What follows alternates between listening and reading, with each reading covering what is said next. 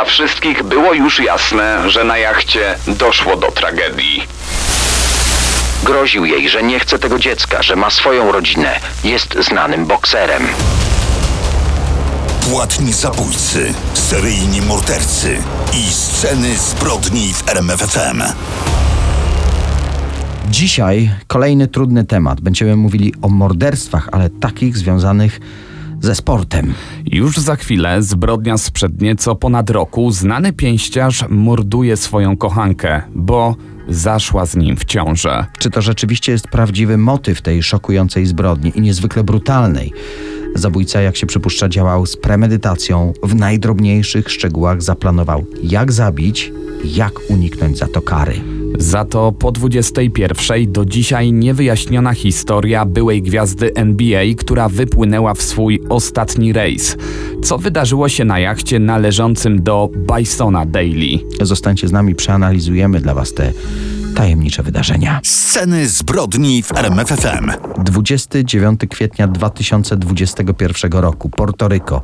Dochodzi do makabrycznej zbrodni. Ginie ciężarna kobieta. O zabójstwo podejrzewa się jej partnera.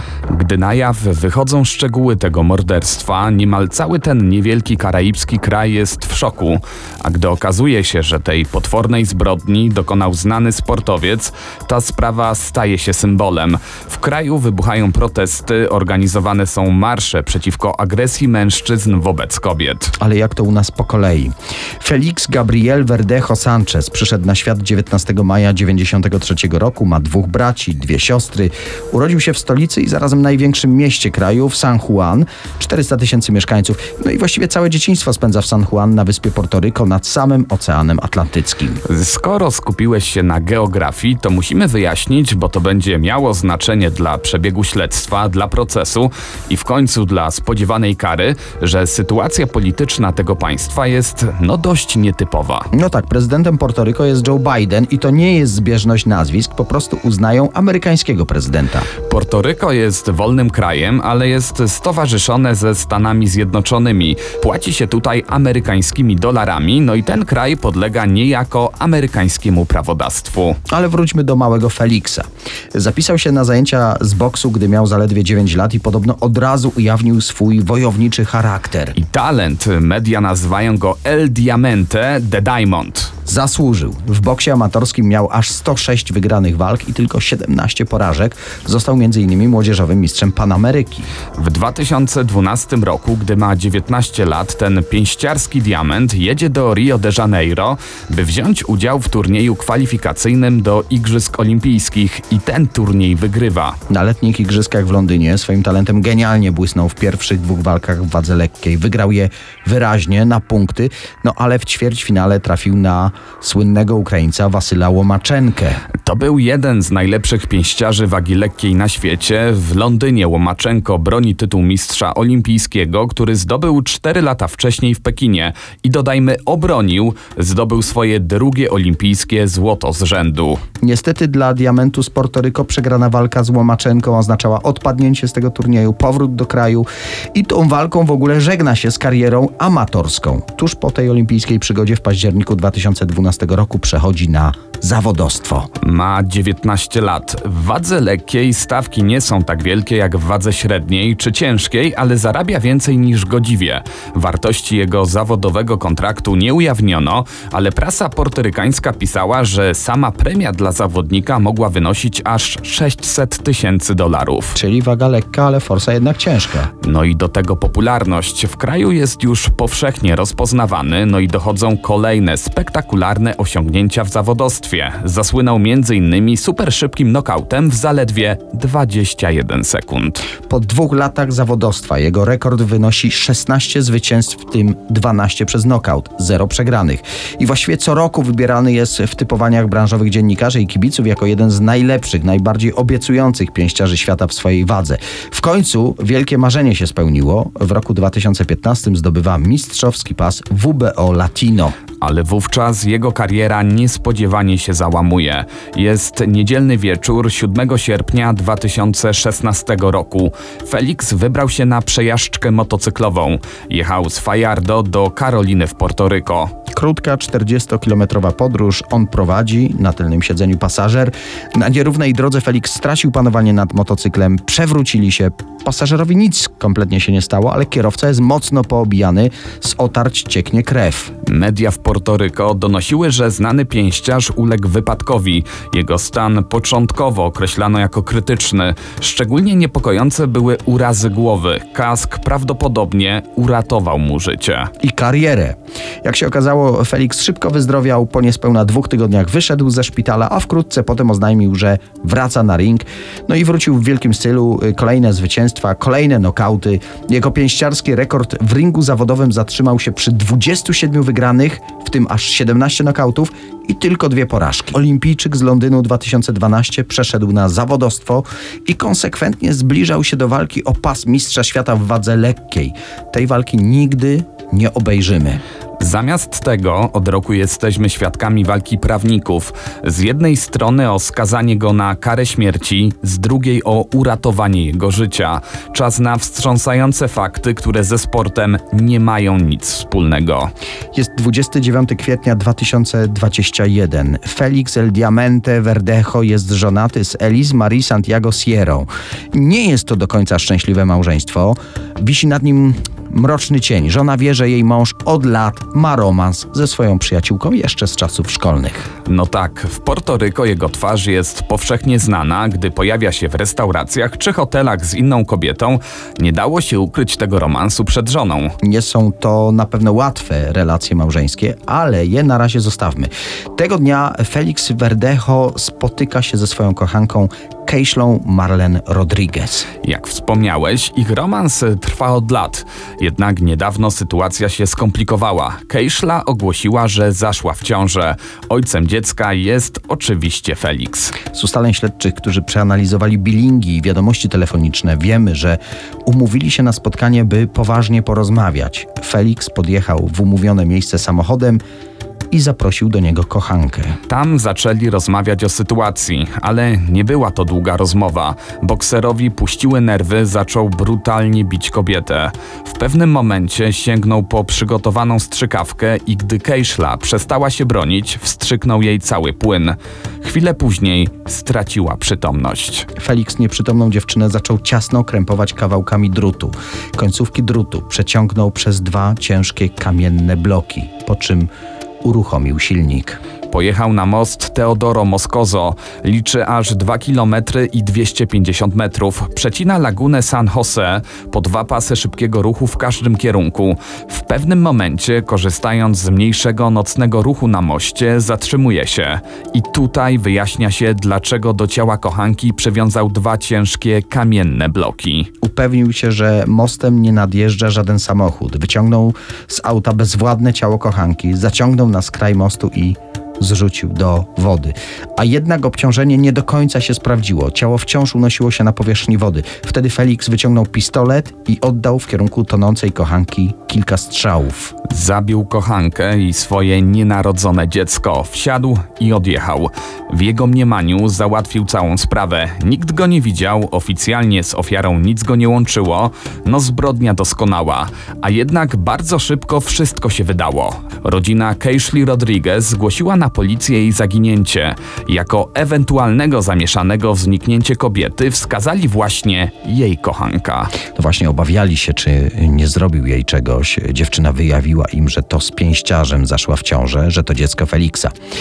On miał nadzieję, że załatwił sprawę, nie wzbudzając niczyich podejrzeń, a to już 30 kwietnia, czyli na drugi dzień po tych dramatycznych wydarzeniach nocnych, policja miała głównego podejrzanego. Jednak Felix Verdejo nie został aresztowany. Nie było wtedy żadnych dowodów przeciw niemu. Nie było nawet dowodów, że doszło do jakiejś zbrodni. Jednak kolejny dzień zmienił wszystko. Tak, mówiliśmy o ciele kochanki obciążonym kamiennymi blokami, a jednak nie zatonęło ono na zawsze w głębinach laguny San Jose. Odnaleziono jej zwłoki. Ciało było zmasakrowane, odbicia i krępowania drutami. Rodzice Keila Ortiz i Jose Antonio Rodriguez rozpoznali córkę po tatuażach na plecach. To był symbol diamentu, El Diamante, jak pseudonim ringowy jej kochanka. Policja miała dowód, że doszło do morderstwa, a rodzina 27-letniej Keishli Marlen Rodriguez straciła wszelką nadzieję. Tutaj pojawia się kolejne zaskoczenie. W niedzielę 2 maja 2021 roku na policję dobrowolnie zgłosił się podejrzany. Nie przyznaje się do winy, nie zamordował Kejszli. Na rozprawie w sądzie 11 maja pojawił się zdalnie za pomocą łącza wideo. Znów zaprzeczył, by miał cokolwiek wspólnego z zaginięciem czy zamordowaniem swojej przyjaciółki. A jednak śledczy włożyli ogrom pracy w wyjaśnienie tego głośnego morderstwa. Wspomnieliśmy o billingach telefonicznych i wiadomościach, z których wynikało, że w noc, w którą Kejszla była widziana po raz ostatni, umówiła się na spotkanie z Felixem Verdejo. Ale wciąż to był słaby dowód. Zabezpieczono monitoring, przepytywano ewentualnych świadków i wówczas przełom. Śledczy odkryli, że na spotkanie z kochanką pięściarz nie pojechał sam.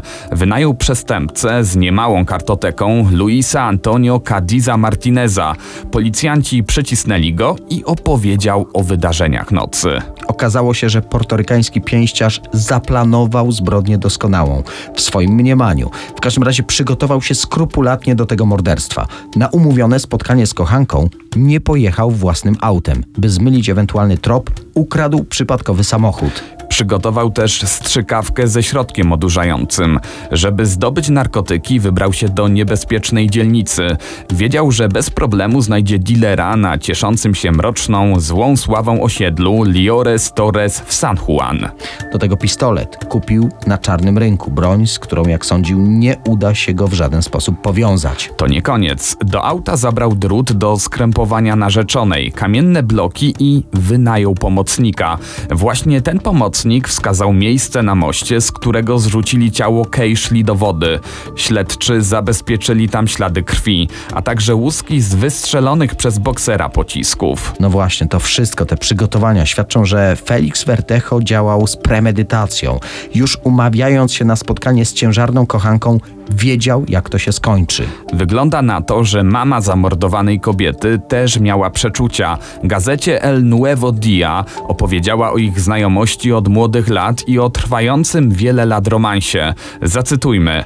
Mówiłam jej, bądź ostrożna. Groził jej, że nie chce tego dziecka, że ma swoją rodzinę. Jest znanym bokserem, osobą publiczną. Media nagłośniły tę sprawę. W Portoryko wywołało to kolejne dyskusje na temat przemocy wobec kobiet.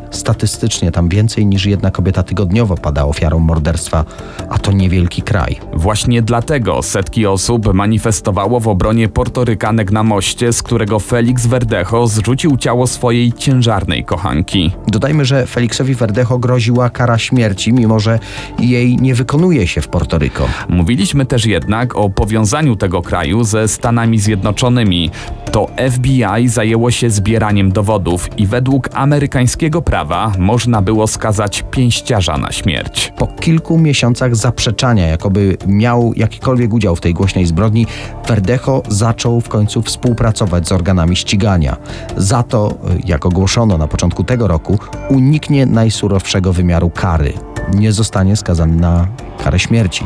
Jednak do końca życia nie opuści już więzienia. Daniel Dyk i Kamil Barnowski prezentują Sceny zbrodni w RMFFM. Sceny zbrodni meldują się na parkietach NBA, czyli najlepszej na świecie ligi koszykarskiej. Tam nas jeszcze chyba nie było. Przedstawimy Wam historię znakomitego koszykarza, który zginął w do dziś niewyjaśnionych okolicznościach. Brian Williams, bo to o nim mowa, przyszedł na świat w kwietniu 69 roku w mieście Fresno, stan Kalifornia. Jego ojciec Gino Williams Jr. był członkiem znakomitego zespołu The Platters. Małżeństwo nie przetrwało próby czasu, para się rozwiodła, a mama Briana, Patricia Phillips, wychowywała swoich dwóch synów, będąc już w innym związku. Młodzieniec bardzo szybko pokazał wielki talent do sportu. Początkowo specjalizował się w biegach, do momentu aż bardzo mocno wyrósł. W taki sposób naturalnym wyborem kolejnej dyscypliny stała się koszykówka. Jako junior prezentował wysoki poziom i mógł się pochwalić solidnymi statystykami. Gra Briana Williamsa została dostrzeżona i tak finalnie trafił do zespołu Uniwersytetu Arizona. Dalsza kariera szybko nabrała tempa. Gdy miał 22 lata, został wybrany w drafcie przez Orlando Magic. Po dwóch latach przeniósł się do Denver Nuggets. Kolejnym zespołem był Los Angeles Clippers, aż w końcu w sezonie 96-97 trafił do potężnego Chicago Bulls. Tam oczywiście nie mógł przebić się do pierwszej piątki, która była zarezerwowana dla gwiazd typu Jordan, Pippen, Rodman, Harper, Longley. Jednak jako wchodzący rezerwowy stał się bardzo ważną częścią zespołu w drodze do obrony mistrzowskiego tytułu. Mierzący 208 cm i ważący prawie 120 kg koszykarz przeszedł następnie do zespołu Detroit Pistons i podpisał gigantyczny kontrakt o wartości 45 milionów dolarów. W 1998 roku Brian Williams zmienił swoje imię i nazwisko na Bison Daly. W taki sposób chciał uhonorować rdzennych Amerykanów z plemienia Cherokee i swoich afrykańskich przodków. Gdy jego kariera była u szczytu, mężczyzna postanowił przejść na emeryturę. Zrezygnował tym samym z ponad 35 milionów dolarów, które mógłby jeszcze zarobić na swoim aktualnym kontrakcie. Bison Daly stwierdził, że przez lata gry w NBA zarobił już wystarczająco dużo, aby do końca życia nie pracować. Tym samym mógł się oddawać swojej pasji, czyli podróżowaniu. Zresztą koszykówka nie była od pewnego momentu jego wielką pasją, a bardziej pracą. Trzeba przyznać, że nie był typowym graczem NBA, grał na saksofonie i gitarze, lubił czytać książki, interesował się filozofią. No, jeśli chodzi o te jego zainteresowania, to zdaje się były znacznie szersze, bo plotkowano wówczas o jego romansie z Madoną, która miała słabość do byłych zawodników Chicago Bulls. W 2000 roku była gwiazda koszykówki osiadła na Tahiti. Tutaj Daly zakupił 55-metrowy katamaran o nazwie Hakuna Matata, co oznacza nie martw się, wiedzą to wszyscy fani filmu Król Lew. Swoim statkiem zamierzał podróżować po Pacyfiku. Ta sielska historia kończy się jednak w momencie, gdy starszy brat Bisona nagle przypomniał sobie, że powinien naprawić ich rodzinne relacje. Wtedy jeszcze jednak nic nie zwiastowało nadciągającej tragedii. On też zmienił swoją tożsamość, bo chciał uhonorować znakomitego muzyka Milesa Davisa. Rodzeństwo nie żyło w zbyt dobrych stosunkach. Bison, gwiazda sportu z fortuną na koncie, Miles, chory na ciężką astmę, zarabiający na życie jako informatyk. Obaj panowie nie byli również silni psychicznie, dlatego niezbyt dobrze radzili sobie z przeciwnościami losu. Miles Dabord żył więc w cieniu swojego brata, jak i ojca, który był muzykiem. Bison Daly nie chciał już również pomagać finansowo swojemu krewnemu. No właśnie, mimo tych burzliwych relacji i skomplikowanej przeszłości, panowie razem wypłynęli we wspólny rejs. Na pokładzie oczywiście jachtu Hakuna Matata. Znalazła się tam jeszcze Serena Carlan, dziewczyna Bisona Daly i francuski sternik Bertrand Saldo. Cała załoga wypływa 2 maja 2002 roku z Auckland w Nowej Zelandii. Ich celem jest Tahiti. Wszystko wskazuje na to, że rejs odbył się bez większych przeszkód. Jacht dociera do portu docelowego, na wyspie spędzają kilka tygodni.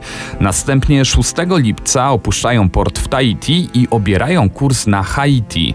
Z informacji, do których dotarli śledczy, wynika, że 6 i 7 lipca wykonano kilka połączeń z telefonu satelitarnego dostępnego na pokładzie, ale były to zwykłe rozmowy, nic szczególnego. Kolejnego dnia, 8 lipca, na wyspie niedaleko Tahiti, widziany jest Miles Dabord. Co dziwne, z jachtu wychodzi tylko on. Przez sześć tygodni cieszy się życiem w towarzystwie swojej dziewczyny, która przyleciała z Los Angeles. Mężczyzna przekazał swojej wybrance, że jego brat odpoczywa na innej wyspie, a francuski sternik imprezuje gdzieś ze swoimi znajomymi. Mijały tygodnie. Bison Daly nie kontaktował się ze swoimi bliskimi. Nikt nie podnosił alarmu, ponieważ były sportowiec miał w zwyczaju znikać często na jakiś czas z radarów. W końcu służby rozpoczynają jednak poszukiwania zaginionej trójki. I tak docieramy do 5 września 2002 roku. Gdy poszukiwania koszykarza trwają, do placówki firmy handlującej złotem Phoenix przychodzi mężczyzna podający się za Bisona Daly. Posiada paszport na takie nazwisko, posiada książeczkę czekową i wygląda właściwie identycznie jak była gwiazda NBA. Mężczyzna chce kupić złote monety o wartości 150 tysięcy dolarów. Informacja o próbie zakupu złota przez zaginionego koszykarza dociera do policji. Bardzo szybko aresztowano podejrzanego osobnika, którym okazał się Miles Dabord. Mężczyzna zapewniał, że kupował złoto dla brata i przekonywał, że wszystko u niego w porządku. Śledczy jednak nie mogli skontaktować się z zaginionym. Nie było również wystarczających dowodów, aby przedłużyć areszt, dlatego Dabord wyszedł na wolność. I ta decyzja zaważyła na późniejszym śledztwie. Tymczasem do USA zaczęły docierać nowe informacje dotyczące tej tajemniczej sprawy. Otóż jacht koszykarza o nazwie Hakuna Matata zaraz po jego zaginięciu został zarejestrowany na Tahiti pod nazwą Ariabella. 16 lipca Dabord zacumował w innej zatoce na południowo-wschodnim wybrzeżu Tahiti, po czym odleciał samolotem z wyspy. Statek miał usuniętą tabliczkę z nazwą, a na pokładzie znajdowało się kilka załatanych dziur, prawdopodobnie po kulach. Dla wszystkich było już jasne, że na jachcie doszło do tragedii. Brat zaginionego koszykarza, mimo że był podejrzanym, został wypuszczony z aresztu i uciekł do Meksyku. 15 września Miles Dabord został znaleziony nieprzytomny na plaży. Wiele wskazuje na to, że chciał popełnić samobójstwo przedawkowując insulinę. W stanie śpiączki został przetransportowany do Kalifornii. Śledczy wierzyli, że stan podejrzanego poprawi się i opowie, co stało się na tym feralnym jachcie. Tak się jednak nie stało. Miles Dabord został odłączony od aparatury podtrzymującej życie 27 września 2002 roku. Co więc stało się z zaginionymi? Tego tak naprawdę nadal nie wie nikt. Dabord powiedział swojej dziewczynie, że na jachcie wdał się w bójkę ze swoim bratem Bisonem Daly. Jego dziewczyna chciała ich rozdzielić. W wyniku szamotaniny uderzyła głową o ziemię i zmarła. Francuski kapitan, widząc, że doszło do wypadku, chciał wrócić do najbliższego portu i zgłosić śmierć kobiety. Były koszykarz miał wpaść w szał i zabił sternika przy pomocy klucza francuskiego. Dabord w obawie o swoje życie zastrzelił swojego brata w samoobronie i wyrzucił te trzy ciała za burtę. Oczywiście to wersja podejrzanego, której nie da się w żaden sposób zweryfikować. Dodatkowo na jachcie nie znaleziono żadnych śladów krwi czy też innych dowodów, które mogłyby potwierdzić właśnie taki przebieg zdarzeń. Według śledczych prawda może być o wiele bardziej brutalna. Cały ten koszmar został dokładnie zaplanowany przez brata znanego koszykarza. Wiele wskazuje na to, że Miles Dabord chciał przejąć tożsamość brata, a co za tym idzie jego majątek. Dlatego prawdopodobnie po prostu zastraszył zaginioną trójkę bronią i nakazał wskoczyć do oceanu, tym samym skazując ich na pewną śmierć. Warto zaznaczyć, że gdy wczytywaliśmy się w akta tej sprawy, to cały czas pojawiał się wątek braterskiej zazdrości. Może na koniec zacytujmy wypowiedź matki obu braci, Patricia Phillips, kilka dni po tragedii. Ludzie zawsze lgnęli do Bisona, nawet zanim stał się celebrytą. Miles był pilny i cichy, dorastał w cieniu brata. Wszystko, co przydarzyło się Bisonowi, było o wiele większe niż to, co wydarzyło się w życiu Milesa. Sceny zbrodni w RMFFM.